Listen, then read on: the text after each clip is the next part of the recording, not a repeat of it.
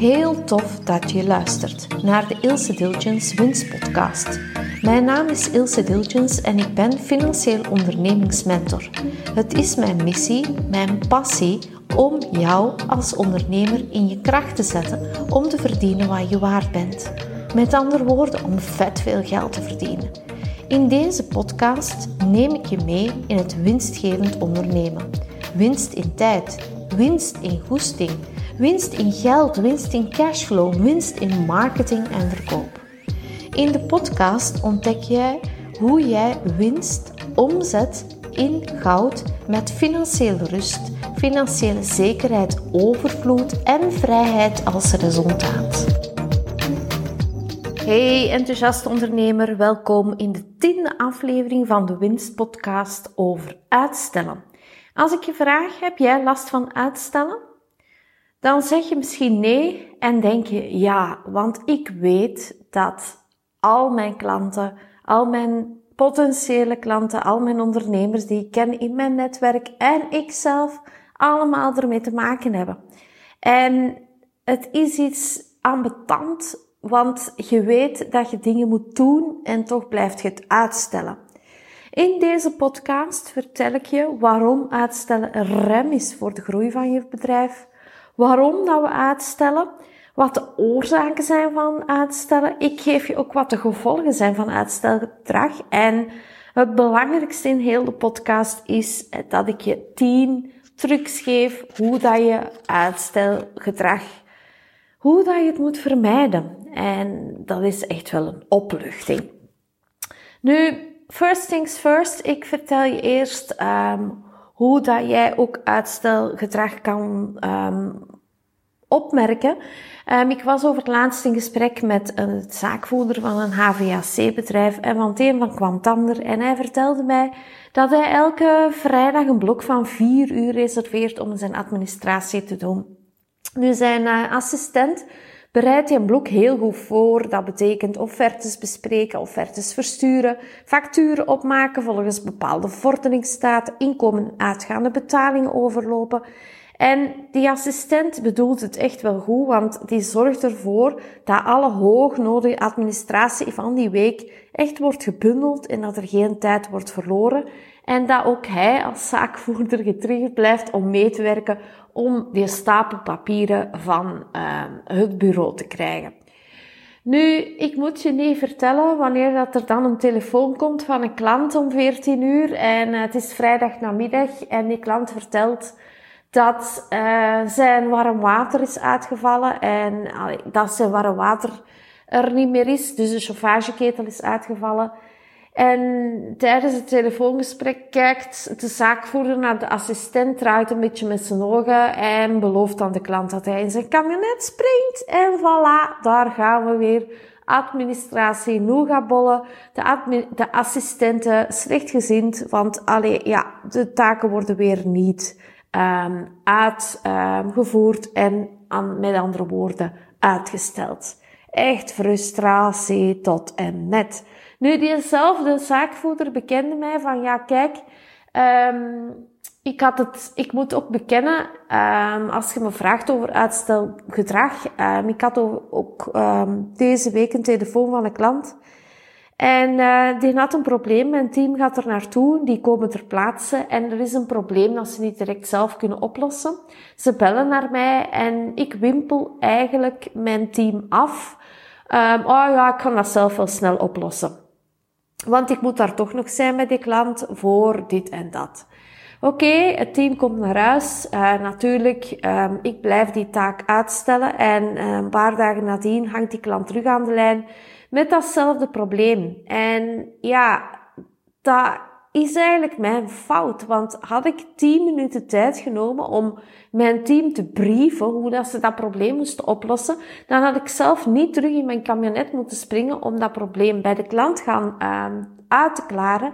En um, eigenlijk is dat puur uitstelgedrag, want had ik mijn team na uitgelegd, had mij dat heel veel geld bespaard. Maar ook voor de toekomst, um, wanneer dat je je team mee betrekt in in bepaalde taken, dan gaat je zelf ook veel minder taken op je moeten nemen. Dus het is puur uitstellen van wanneer ga ik dat uitleggen. Dat is echt wel frustrerend voor mezelf dat ik mijn eigen erop betrap. Het is dus niet alleen uw team en ook die openstaande facturen waar we het net over hadden, die dan uh, niet worden betaald. Um, dat, dat zijn zaken die belangrijk zijn om uw business uh, te laten groeien. En we wijzen dan met de vinger naar de klant van kijk, um, je hebt uw factuur nog niet betaald, maar misschien zijn we zelf in de fout gegaan, want hebben we een kleine taak bij die klant nog niet uitgevoerd en daardoor laten ze dat deel van de factuur openstaan, maar die kleine taak moeten we dan speciaal voor naar de klant rijden en we stellen dat dan uit, gaat op de lange baan en uiteindelijk wordt factuur ook niet betaald. Dat zijn echt twee typische voorbeelden van uitstelgedrag, omdat we op dat moment denken dat dat veel tijd vraagt. Maar het is beter dat we dat zouden oplossen, want het zal ons veel meer shizzle, um, ja, we gaan niet in de shizzle komen. Nog zo'n voorbeeld is zo het oprommelen van uw kantoor of um, geen chaos maken in uw magazijn. En ik had het er over laatst nog met een, met een, ook met een klant over. Zijn magazijn dat staat al een jaar op zijn to-do-lijst. Ik word er zelf uh, heel ambetant van, want hij weet ook door het zoeken um, van alle materialen, omdat ze niet op de juiste plaats liggen, dat ze echt heel veel tijd verliezen. En het is gewoon drie dagen werk om dat magazijn uit te mesten en te structureren en te organiseren, om dan uiteindelijk heel vlot te werken. Maar wat houdt u tegen? Die drie dagen te blokken in uw agenda? Ja, en dan begint u weer te denken, ja, en dan uh, moeten mijn klanten wachten, dan kan mijn administratie niet verder gaan, um, en er is een dringende werf. En zo blijft je dat dingen uitstellen, waardoor dat je echt superveel tijd verliest. Nu, uitstel, ik zei het al, is echt een, rem op, op de groei van uw bedrijf. En uh, Christopher Parker heeft er een hele schone quote over geschreven. Procrastination is like a credit card. It's a lot of fun until you get a bill. En dat is zo. Waarom blijven we zaken voor ons uitschuiven? Waarom wachten we om bepaalde problemen op te lossen die dan alleen nog maar groter worden? Waarom doen we gewoon niet wat we moeten doen? En waarom laten we een telefoon drinken wanneer een klant belt die al lang op ons antwoord wacht? Ja, ik weet waarom dat je die laat bellen. En waarom stellen we zaken uit tot morgen terwijl dat we eigenlijk vandaag moeten doen en we schuiven het weer voor ons uit? Nu, Waarom hebben we dat uitstelgedrag? Waarom vertonen wij ondernemers uitstelgedrag? Maar alleen ja, dat is niet alleen ondernemers, iedereen heeft dat. En ook in uw privéleven stelt de dingen uit. Ja, uitstellen, dat is eigenlijk een vorm van zelfsabotage. Je vindt andere dingen veel leuker dan die saaie taken die je eigenlijk moet doen en die van jou verwacht worden. Dus ik zeg je nu, stop met die excuses te maken. Doe gewoon wat je moet doen. Wie zaken uitstelt, heeft er altijd een reden voor. En die reden is goed, hè? Maar we zijn echt wel kampioen om redenen te vinden om het niet te moeten doen. En eerlijk gezegd, we voelen er ons eigenlijk ook niet goed bij wanneer we het niet doen. Nu, wat zijn nu die intrinsieke oorzaken waarom dat wij uitstelgedrag vertonen?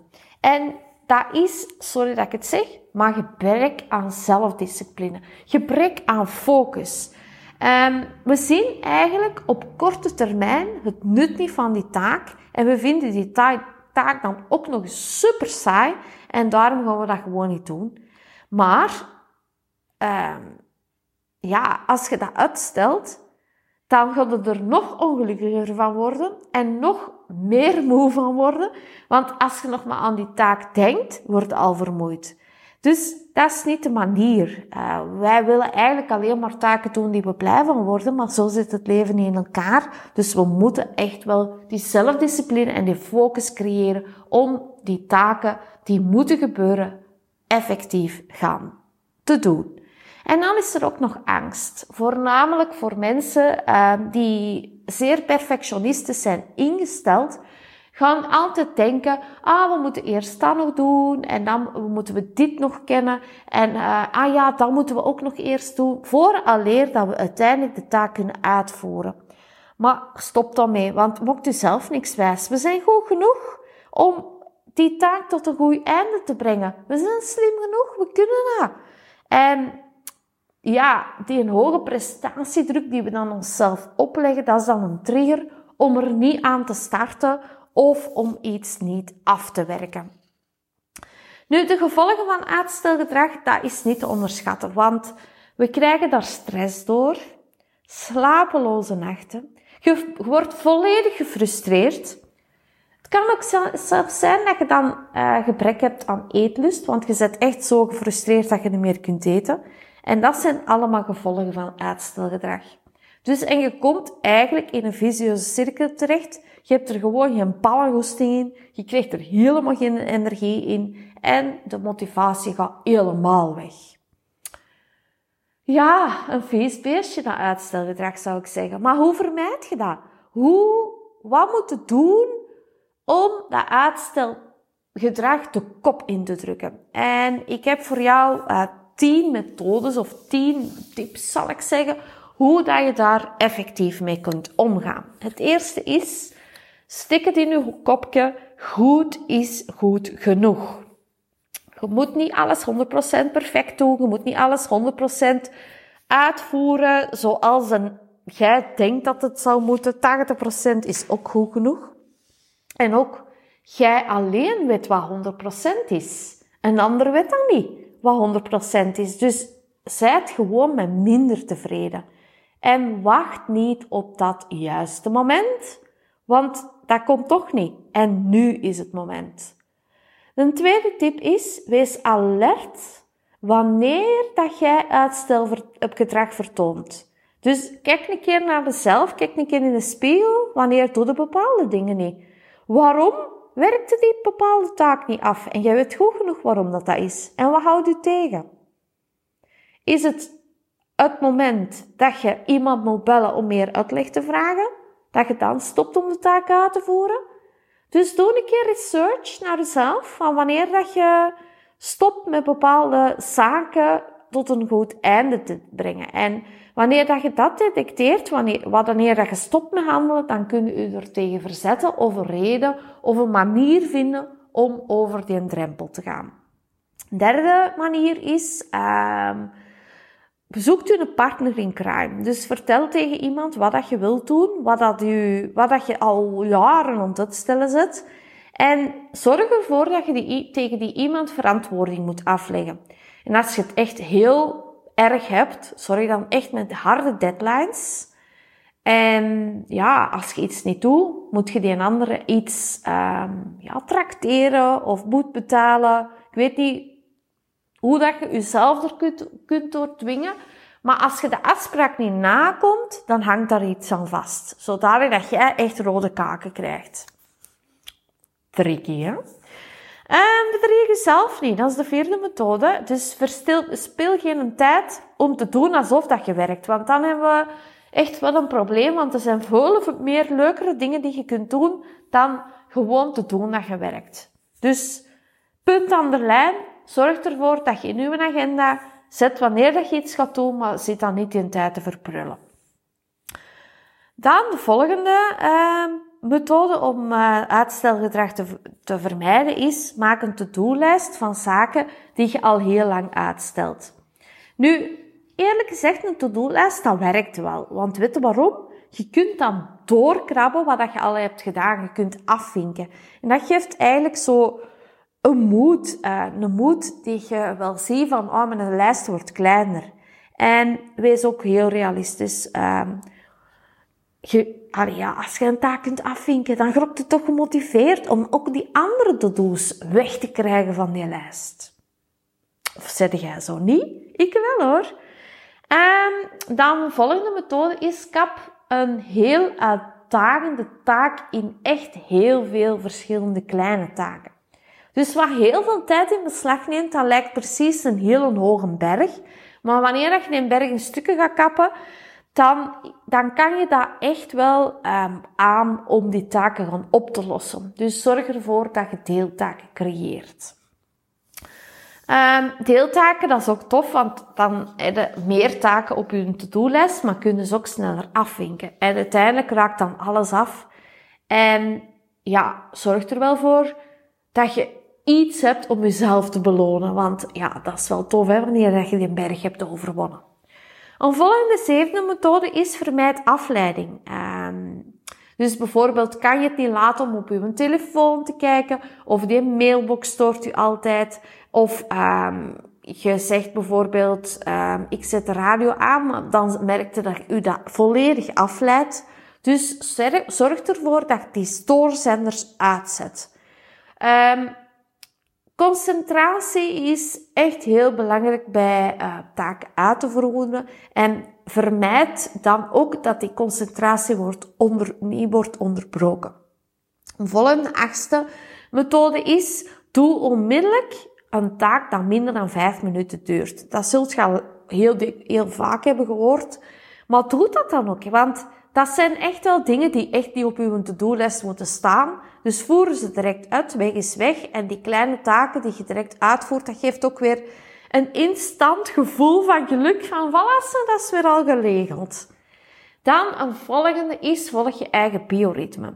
Ben je een ochtendmens of ben je een avondmens? Wanneer ben je echt wel heel productief en uh, kan je ervoor zorgen dat je heel geconcentreerd bent en dat je dan uh, die taak die al heel lang op je to-do staat, effectief gaat uitvoeren. Um, nu, het is ook wel gemakkelijk als je bioritme volgt, want um, dan kan je ook veel beter moeilijkere of uitdagende of meest vervelende taken um, uitvoeren, want dan heb je ook meer energie en die passen dan ook beter bij je ritme. Uh, en dan, ja, tiende is, gehoord maar afkomen, Mr. Uh, Mrs. Mindset. Uh, verander je mindset. Dus bekijk die to-do-lijst niet van, dat is, hey, dat is in een berg tot en met. Zorg ervoor dat je echt wel er goesting in krijgt en dat je het niet ziet als een verplichting, maar eerder een opportuniteit om zaken op te lossen. Um, de taken moeten zien als uitdagingen en niet als problemen. Of um, ja, legt u er gewoon bij neer dat je ook side things moet doen. Dat is gewoon zo. En het heeft er geen zin, het heeft geen zin om daar uren over te liggen zagen en melken en, en klagen en, weet ik wel wat allemaal.